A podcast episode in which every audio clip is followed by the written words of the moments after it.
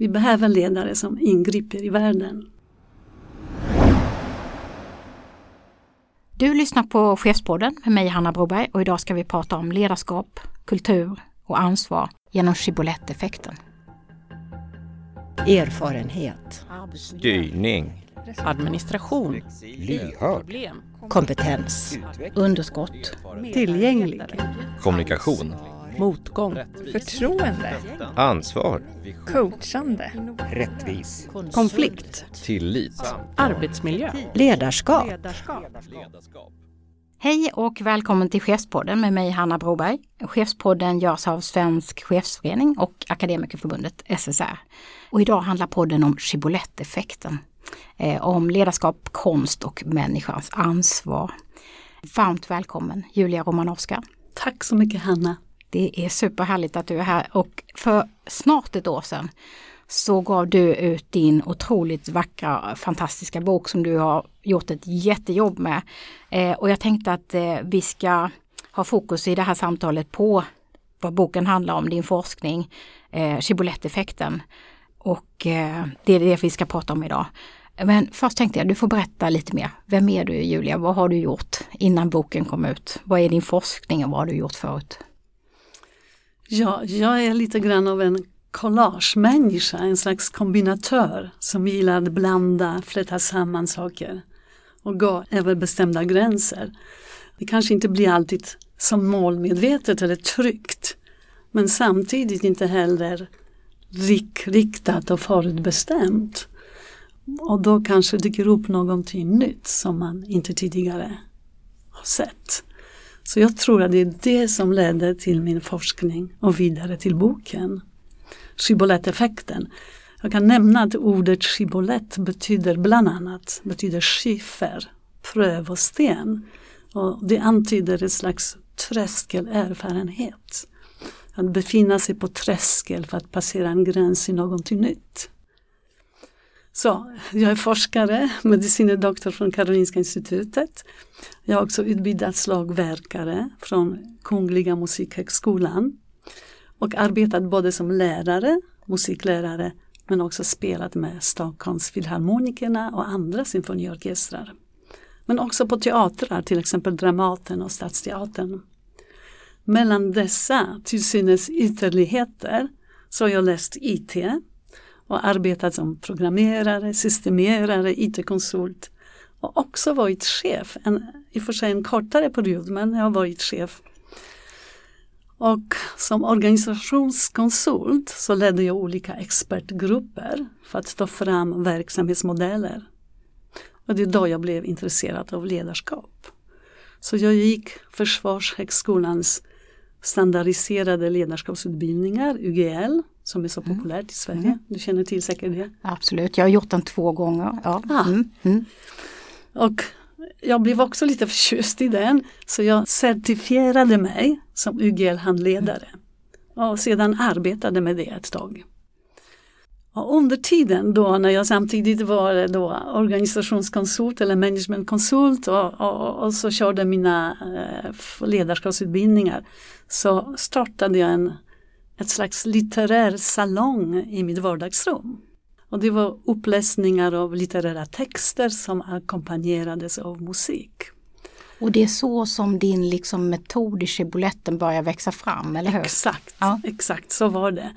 För det här expanderade till slut. Så vänner började ta med sig sina vänner och de samlades. Så, så vi flyttade salonger till en källarlokal i Räddabergen. Och det där precis som du sa, skibolettformen började växa framåt och form. Eh, och det som hände där att efter varje föreställning så hade vi ett samtal med publiken. Vilket fick mig att inse hur formen men också innehållet i de här skibolettföreställningar gjorde starkt intryck på, på människor. Och då fick jag en idé. Varför inte använda skibolett som alternativ till ledarskapsutbildningar? Eh, under tiden så har min förälskelse till YGL svalnat och aldrig gick över till kärlek utan faktiskt frustration. Så jag kontaktade en major eh, inom flygvapnet som jag eh, mötte på någon av ledarskapsutbildningar. och presenterade min idé, han köpte det och vi genomförde en pilot.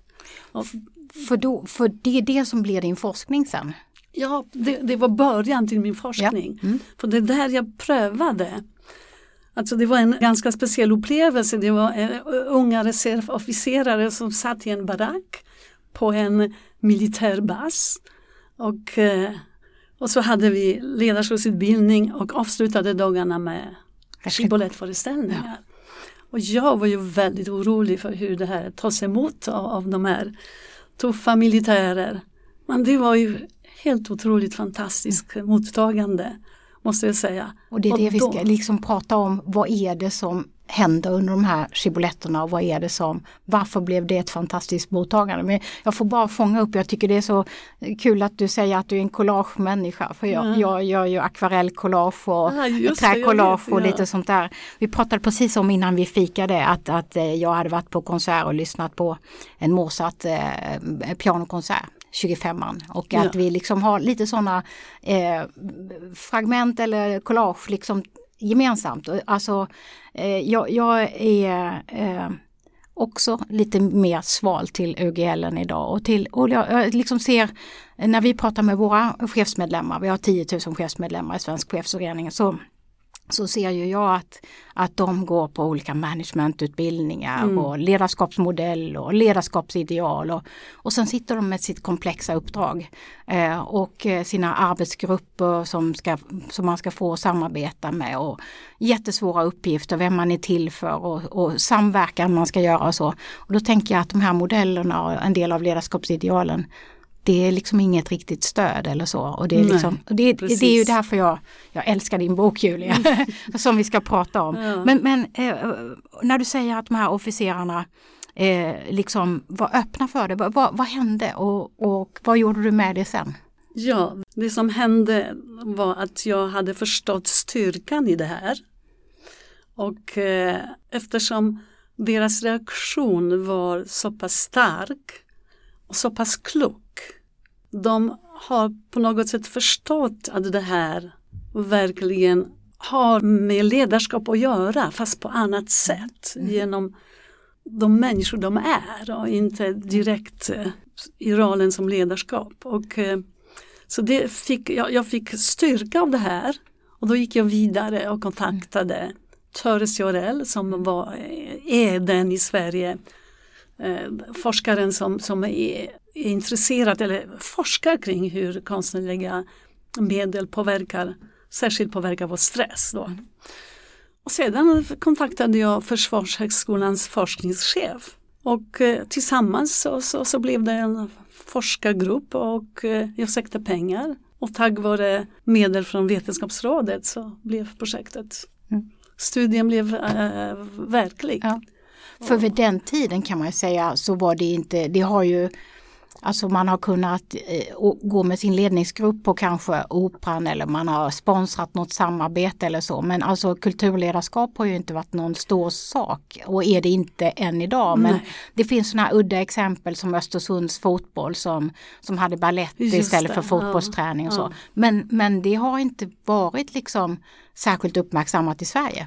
Nej, och inte just på det sättet som, som, eh, som jag har eh, gjort för att eh, det här handlar ju om en djupare etisk eh, intervention genom konst. Mm. Men be- berätta, vad är Ja, jag Vad, ska- vad är det som händer? Ja. Jag ska berätta. Ja, alltså Shibboleth är som det redan framgick ett konstnärligt ledarskapskoncept. Och jag utsätter chefer för konstnärliga upplevelser genom att de tar del av just de här så kallade Shibboleth-föreställningar som är igen collage av litterära textfragment såsom prosa, lyrik och dokument. Och detta sammanflätas med musik, oftast klassisk musik. Och ganska stark musik, också Ja. slagverk och så. Det, Ja, det är musiken i sig är också på hög volym. och olika tempo och så vidare. Olika tempo och, och, och, och olika genrer Mm, och, och så vidare. Så det är återigen fragment då. Mm. Eh, musikaliska fragment ska man Mm, väl säga. Och eh, själva innehållet är begränsat till svåra existentiella ämnen. Ofta mycket känsloladdat och eh, ibland omskakande. Mm. Och texterna har en stor komplexitet. Mm.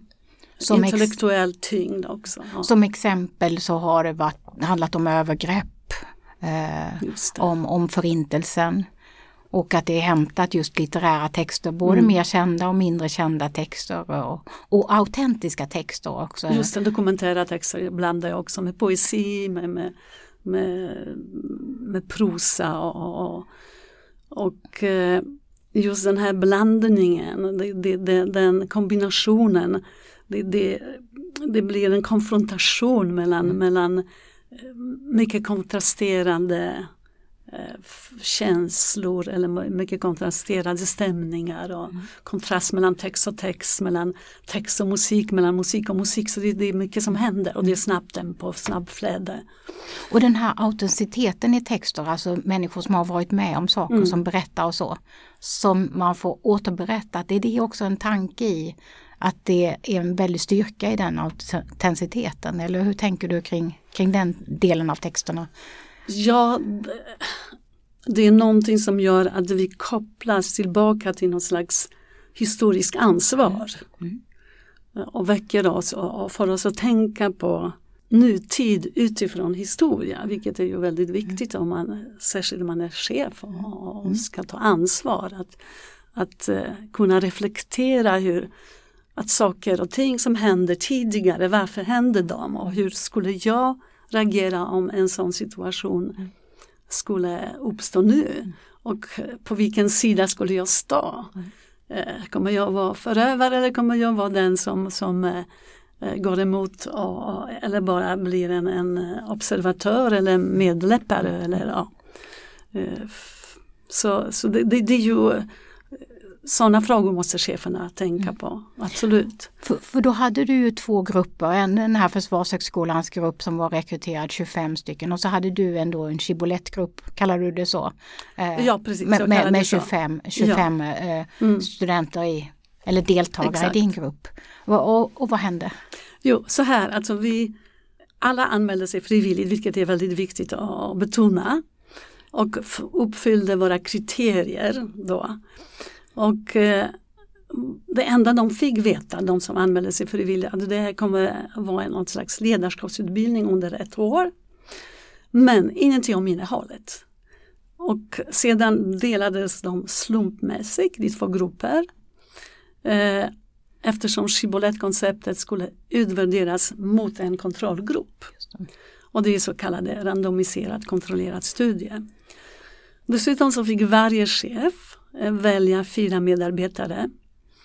Eh, och eh, dessa medarbetare skulle utvärdera chefens beteende men också lämna blodprov. För att vi skulle analysera deras, halten av deras hormon, hormoner relaterade till stress. Och, och det fick också med, eh, chefer givetvis. Jag vill betona att medarbetarna de deltog inte i själva programmet utan de var bara, vi bara följde upp dem och de utvärderade chefer. Och det är ju ganska ovanligt att man mäter Ja. ledarutbildningars effekt på medarbetare. Exakt. Faktiskt. Vad vi var ute efter är att mäta en överförd effekt från chefen till medarbetare. Och det är precis som du säger, det är väldigt ovanligt. Eh, jag kan, ska jag nämna några bara av kontrollgruppens program så att man har en, Ja, en eh, eh, uppfattning av vad det handlade Alltså det var ett väldigt bra program som genomfördes i försvarets regi. Mer traditionellt. Ja, eh, en traditionell, mer traditionell klassisk pedagogik, teoripassen, diskussioner, erfarenhetsutbyten, övningar, läxor. Ja, du Ja. vet precis som alla som har gått någon slags utbildning förstår. Och, och som väl eh, liksom handlar rätt mycket om det här med management och din roll som chef och att det är liksom Ja. lite att man rustar chefen som, som man säger liksom för att stärka chefen. Yes. Ja. Precis, och de har ju fått modernaste teorierna och allt möjligt. De har också fått, precis som det brukligt, all information om programmet i förväg, varenda tillfälle, vad som kommer behandlas och detaljerade litteraturlistan och, Så tryggt med struktur och Exakt. ja. och Shibboleth var precis motsatsen. Så de, de fick ingen information, de fick bara adress, var de skulle befinna sig. Och där kommer de och där sitter en kvinna och en man på en avskalad scen i ett mörkt rum och läser omväxlande med snabba växlingar och oväntade byten. Och musiken som jag sa var ofta på hög volym och kommer och går och, och och eh, ett slags motspel eller samspel med texten. Och de kände sig förvirrade. Vad är det här för någonting? Vad har det med ledarskap att göra? Jag förstår ingenting. Eh, men så här pågick det. 12 föreställningar. Och under varje session så eh, ungefär eh, en timme så var ju upplevelseföreställning och sedan fick de skriva i små häften. Och de fick skriva precis vad de ville. Det fanns inga instruktioner om vad de skulle skriva om. Och efter det så eh, skulle de samtala i en hel grupp, i också ett icke-styrt samtal. Så de fick säga precis vad de ville. Och det kändes också förvirrande för dem. Och i slutet av sessionen så fick de skriva igen i sina häften. Och det här var ju väldigt viktigt material, eh, forskningsmaterial som jag sedan analyserade. Och jag, jag, kan bara flika in att Ja. jag, jag har ju poddat i den här chefspodden med en av dina eh, deltagare. Eh, och som ju också, de var ju med några stycken när du släppte din bok förra, förra hösten. Eh, och eh, jag minns att vi pratade om att eh, Shibbolethten hade påverkat henne mycket och, och att eh, hon kände att hon hade liksom någon, någon slags mera, vad ska vi säga, eh, kunde, kunde plocka fram sin, sin egen eh, liksom, drivkraft, sin ledstång, sin, liksom, eh, sitt mod på något sätt liksom, i, och känna, känna sig liksom, eh, mera trygg eh, i, i, i sitt uppdrag. Eh, och att hon, hon liksom, men hon, hon, hon är en av de som har liksom varit med och reflekterat och, och eh, burit med sig det här eh, sen. Så det, det, det var uppenbart både förra året och för ett par år sedan när jag poddade. Ja. Att det här är ingenting, det är ingen ledarskapsutbildning som man har gått och sen, sen har den försvunnit Hamnade ut. på hyllan. Nej, Nej. Den, den, Nej. Har liksom burit, den har hon burit Nej. med sig. Jo, absolut. Det, det, och det hände med flera då, deltagare. Och några av dem så skriver också i min bok då, efter tio år. Då. Eh, jag vill bara betona också det här att just i, i Shibboleth-gruppen, där, där har de ju inte fått någon introduktion överhuvudtaget.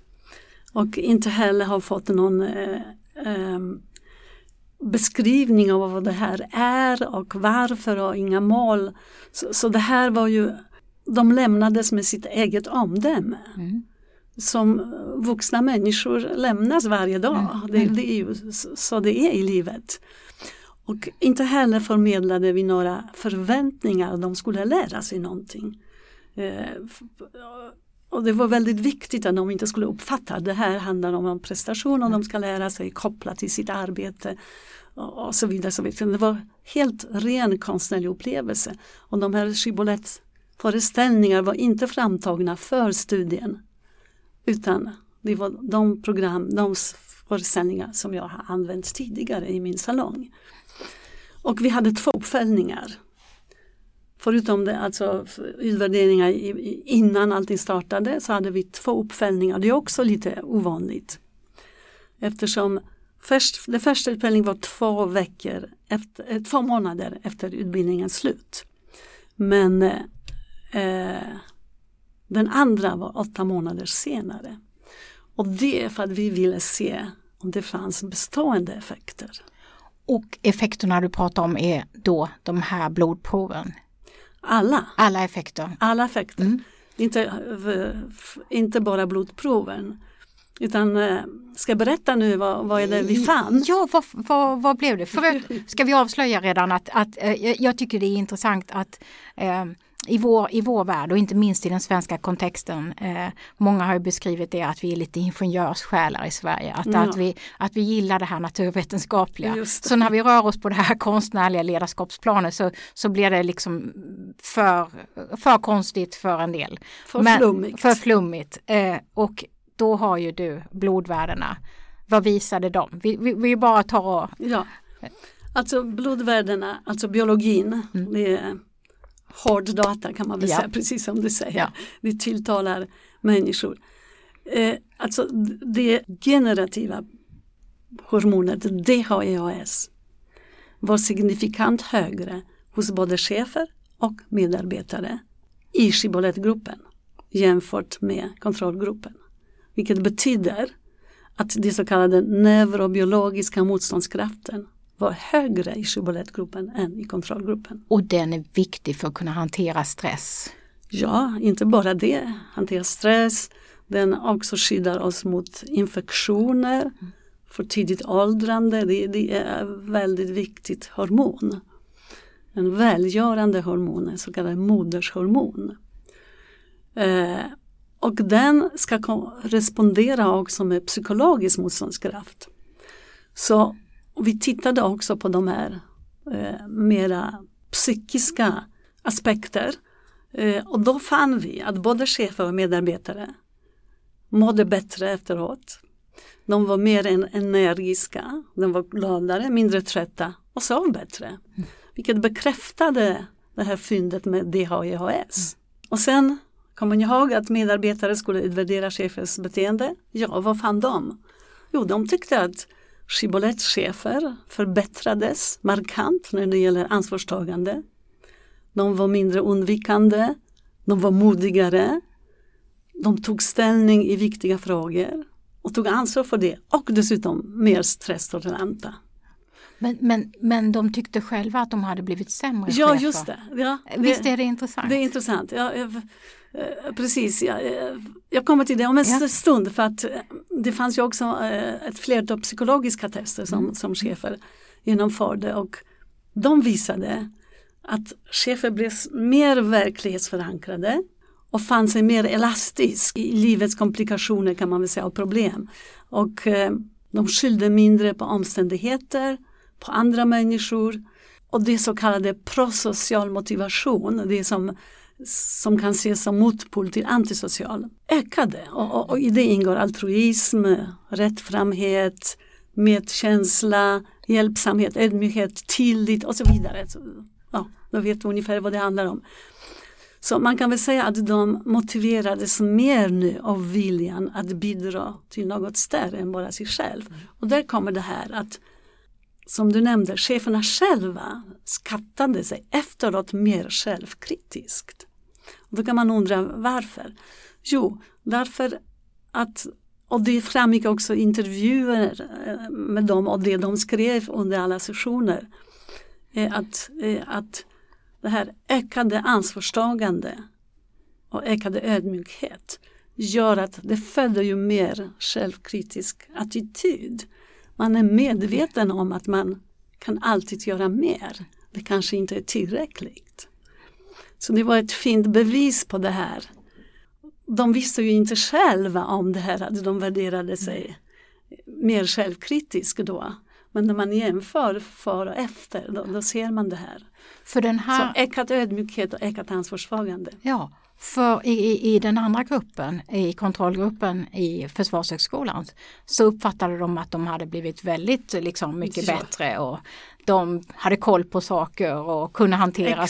saker. Och, ja. De har, alltså i motsats till deras medarbetare så uppfattade de sig som bättre chefer, mer engagerade och, och, och mer stresståliga och så vidare. Medan medarbetare uppfattar de att som fegare, mer undvikande, und, eh, sämre på att fatta beslut och sämre på att hantera stress dessutom. Så låt-gå-beteende ökade där. Eh, och medarbetare samtidigt rapporterade att de själva eh, blev sämre. De sov sämre, de var mera ledsna, mera trötta och förmåga att hantera påfrestningar, vilket är jätteviktigt då i arbetssituation. Den minskade faktiskt, alltså försämrad resiliens. Psykologisk motståndskraft men också biologisk då. Eh, så det, eh, det, det, det var en väldigt talande diskrepans mellan vad chefer själva eh, upplevde sig efter kursen och vad medarbetare uppfattade då, de i kontrollgruppen. Eh, och det bekräftades också i, i, i de intervjuer eh, jag hade med, med chefer att de tyckte de har blivit effektivare.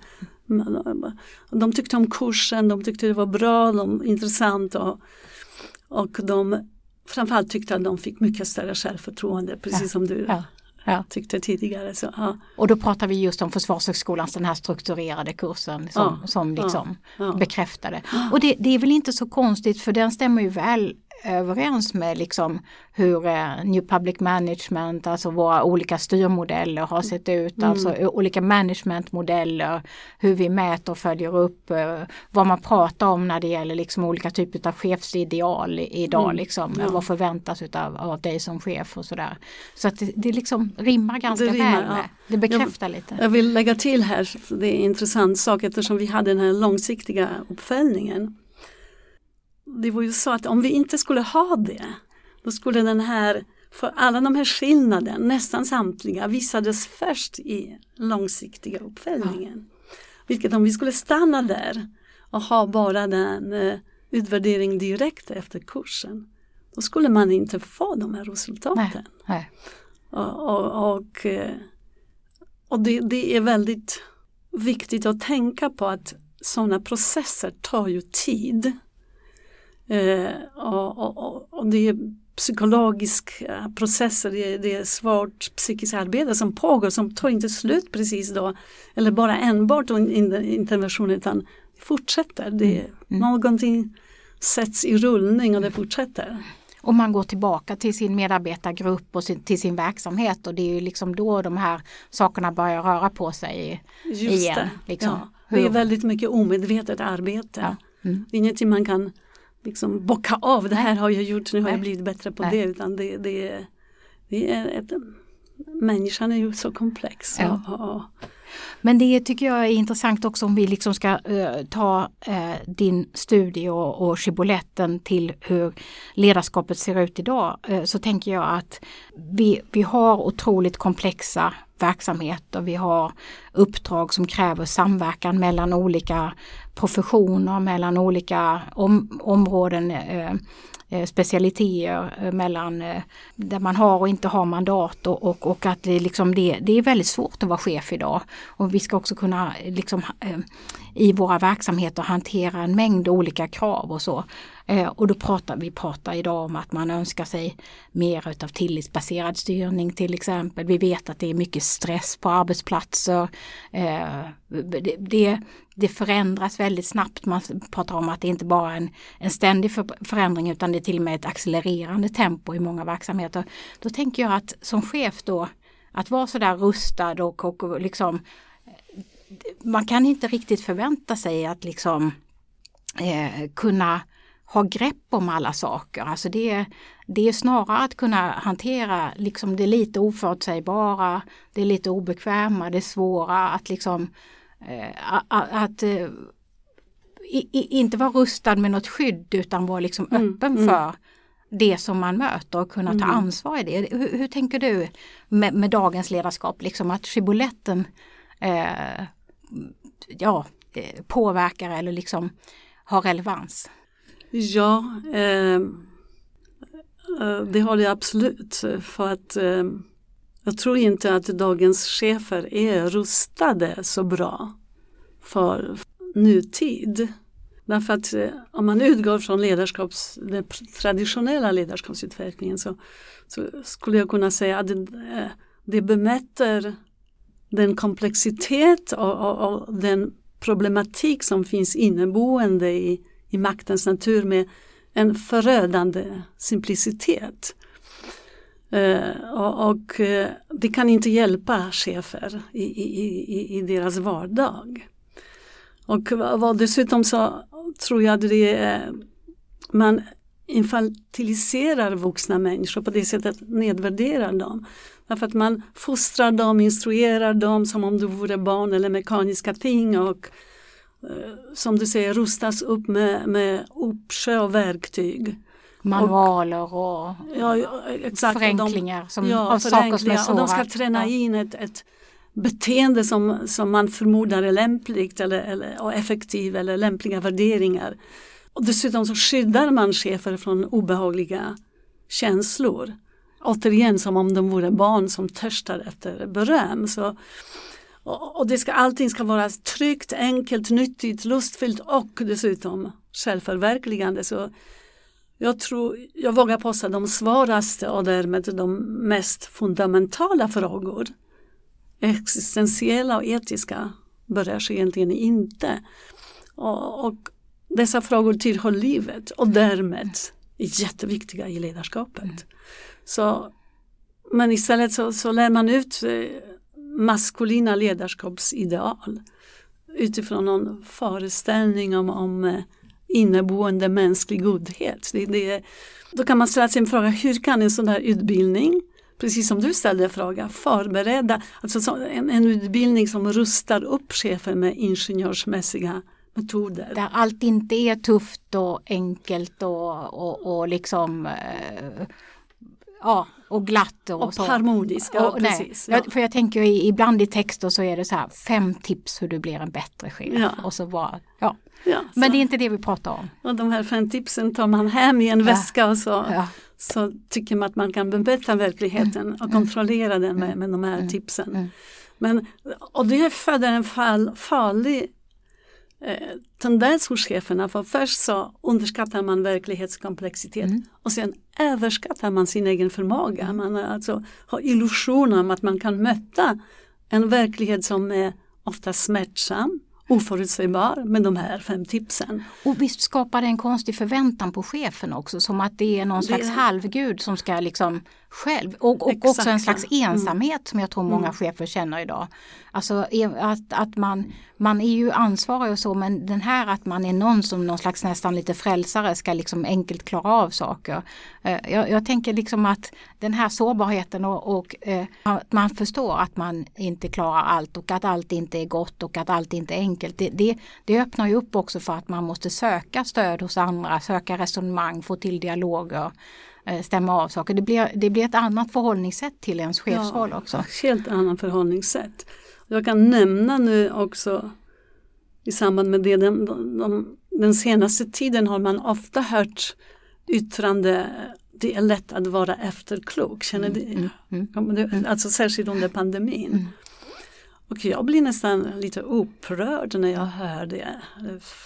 När, när chefer eller ansvarsfulla personer yttrar det här eftersom det ligger ju inneboende i ledarskapet att i förväg ta på sig ansvar ja. för det man inte vet för framtiden, för Precis. det ovissa. Riskbedöma och reflektera. Just det, annars är begreppet ansvar meningslöst. Mm. För, för att, och, och därför att i efterhand när saker och ting går irreversibelt fel argumentera på det sättet är helt enkelt både en truism men också flykt från ansvar. Och det är då det, det är så laissez-faire uppstår. Mm, mm. Det är faktiskt implicerar skuld. Mm, mm. Eh, det är ledarens skyldighet att ta ansvar för framtiden. Eh, och vi, jag vill bara säga att vi, vi ofta berömmer vår ledarskapskultur i Sverige. Att den är demokratisk och, och icke-diktatorisk, vilket mm. stämmer mm. givetvis. Mm. Men vad vi glömmer att laissez-faire ledarskap och det är enligt en internationell studie är mer utbrett i Sverige än jämfört med andra europeiska länder. Och som du kanske vet, laissez-faire ledarskap räknas som anses vara Destrukt den mest destruktiva av alla destruktiva stilar. Ja. Att man liksom distanserar sig och, och, och liksom inte tar ansvar, inte agerar, inte lyssnar. Inte. Exakt, det karaktäriseras av undvikande, ja. av, av likgiltighet, feghet, formalism och, och så vidare. Värderelativism, när man inte Ingen gör någonting om mm. saker. Men, men det är intressant, det här är ju inte liksom historiskt, det här måste vara någonting som har vuxit fram i Sverige. För jag tänker när vi pratar om det demokratiska ledarskapet så kopplar man det ofta till att vi har haft ett system med självägande bönder och att det finns liksom en väldigt, en flerhundraårig svensk tradition kring, kring ledarskap som har vuxit fram på det sättet i, i sockenstämmor och, och, och så vidare. Mm. Och som liksom har liksom kommit in i, kanske via folkrörelser och så. Men där kan man ju inte prata om laissez-faire har man i högsta grad tagit ansvar och ja. varit närvarande. Och, eh, så så att det måste ha varit någonting som har kommit med vår, vår övertro på new, new public management eller på någonting annat? Ja, ja, ja det är när saker och ting överdrivs. Så, så, så kan det... Så, så, så kan det. det Absolut. Är, men låt oss liksom bena lite grann till i, för i din bok så Julia så försöker du också beskriva, det här är ju någonting som du har tagit fram, du har gjort en avhandling runt det. Men det finns inga sådana här eh, Chibolette-utbildningar eh, idag och, och liksom det finns, skulle jag säga, ett jättestort behov av att jobba på ett annat sätt eh, mm. med ledarutveckling eller möjlighet för chefer att ta del på det här. Så, så vad är det som liksom händer, vad är verksamt? Du har pratat om eh, ett, ett, ett, nytt ledarskap, du pratar om estemetik. Och, och, och, om du liksom vill berätta lite grann, hur, hur skulle det se ut och, och, kan vi liksom jobba med det framöver? Estemetik, det är eh, ett begrepp som jag har eh, kombinerat eh, utifrån de tre orden estetik, emotion och etik.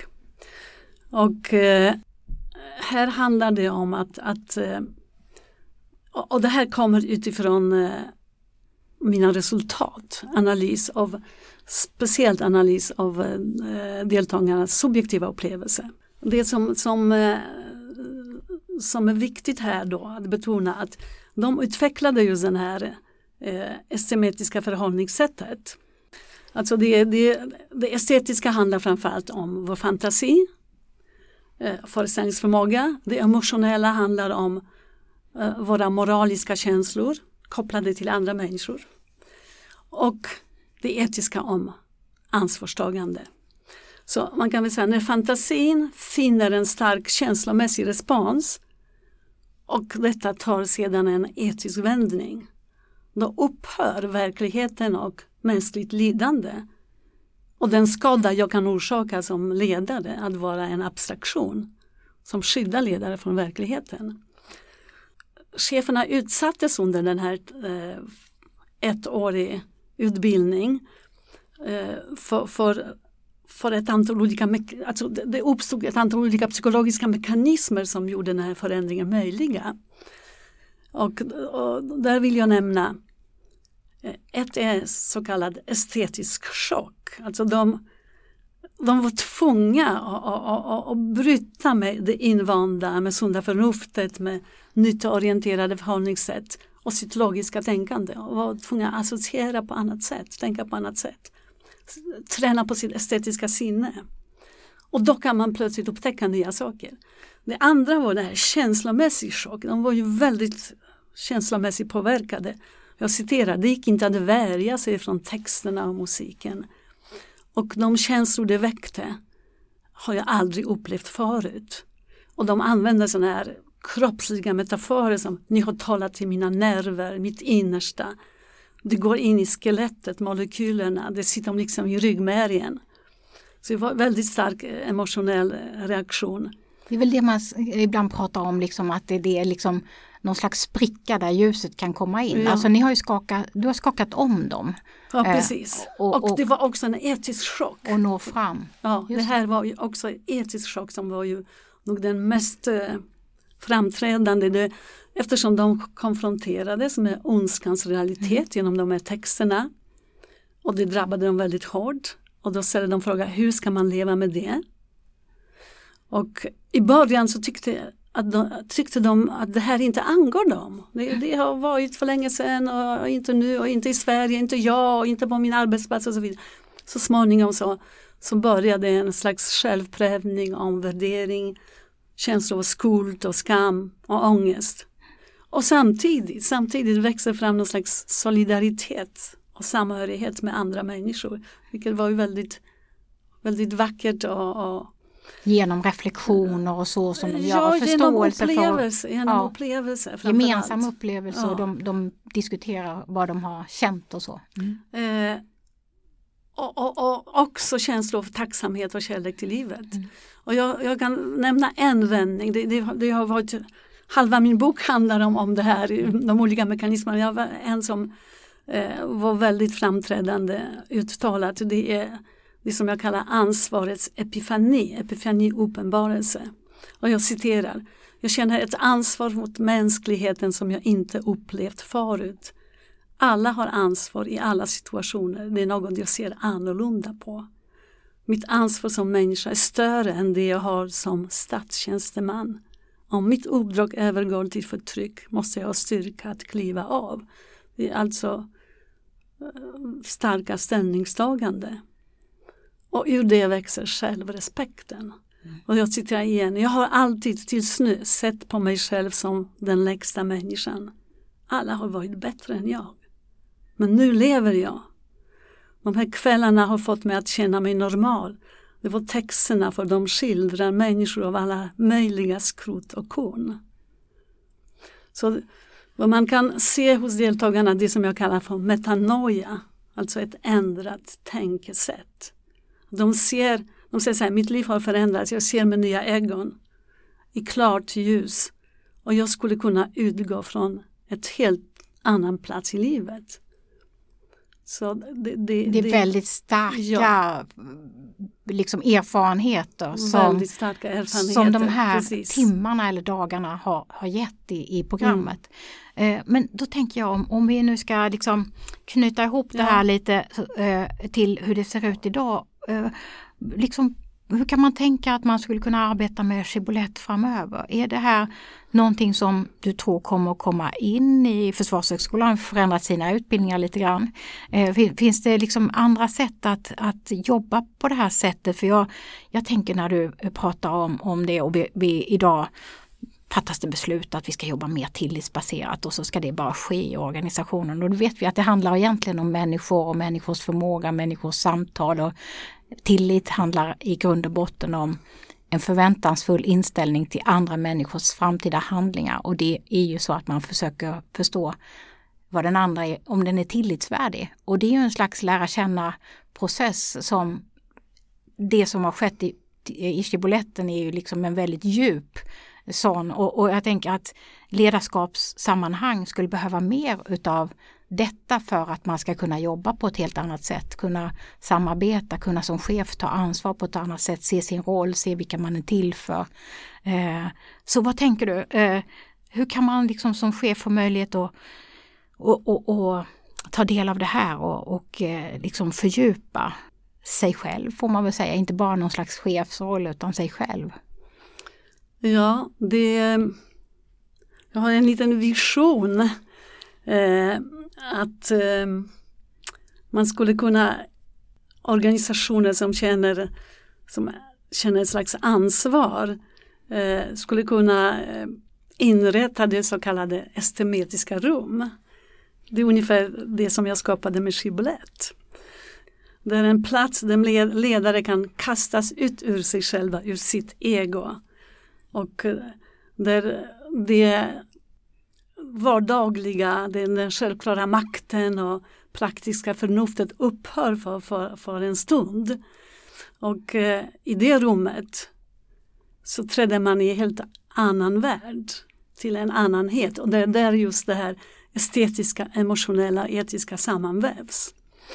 Och det här det, det handlar inte om något inspirationsrum eller relaxrum utan, och inte ens reflektionsrum utan här ska man beröras, det, det, man ska utöka sina eh, livserfarenheter för det är så man kan konsten hjälper oss att utöka det. Vårt liv är för begränsat i tid och rum. Och de upplevelser, den känsla man, man känner, de är äkta och till och med kan vara starkare än i det eh, vardagliga livet. Så i det rummet startar någon slags hårt psykiskt arbete som leder till mer vuxet förhållningssätt till livet och därmed då mer moget ledarskap. Och jag, har, jag vill avsluta med en mening som är den sista meningen i min bok här. Eh, I en sån här rum så det unika inom ledare kan träda fram för att finna det som ingen annan kan göra i deras ställe. För den gripne ingriper i världen. Vi behöver ledare som ingriper i världen. Mm. Vi kan alla vara lite Dag Hammarskjöld eller vi kan vara andra sådana här ledare som vi har sett upp till som vi ser har verkligen ingripit och, och Ja, nästan alla kan vara Ja. det. Ja. i, i, i små och stora situationer.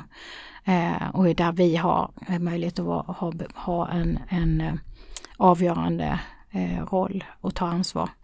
Eh, jag tror att när jag poddade med eh, den tidigare deltagaren i studien så pratade vi om, om att det är någon slags mognadsprocess också. Så jag tänker att med det här så avrundar vi och så gör vi eh, många nyfikna på att fortsätta ta del av Skibboletten. Om det blir sådana här rum, om det blir framtida handledning, eh, om man själv studerar, om man själv hur, tar, hur, hur vi tar till oss det, det, det, det får vi se framöver. Men vi vill Ja. gärna fortsätta jobba med detta och, och eh, vi håller kontakt Julia. Ta, tusen tack Julia Romanovska för, för din forskning och den här fantastiska boken som jag vet den är utgiven på Appell förlag och finns på, på olika eh, sidor att köpa. Och eh, vi kommer faktiskt eh, fortsätta då och då. Vi har en chefsfredag ganska snart Just med skibolett och eh, den sänds också digitalt. Men eh, håll utkik säger jag. Tusen tack Julia. Tack själv.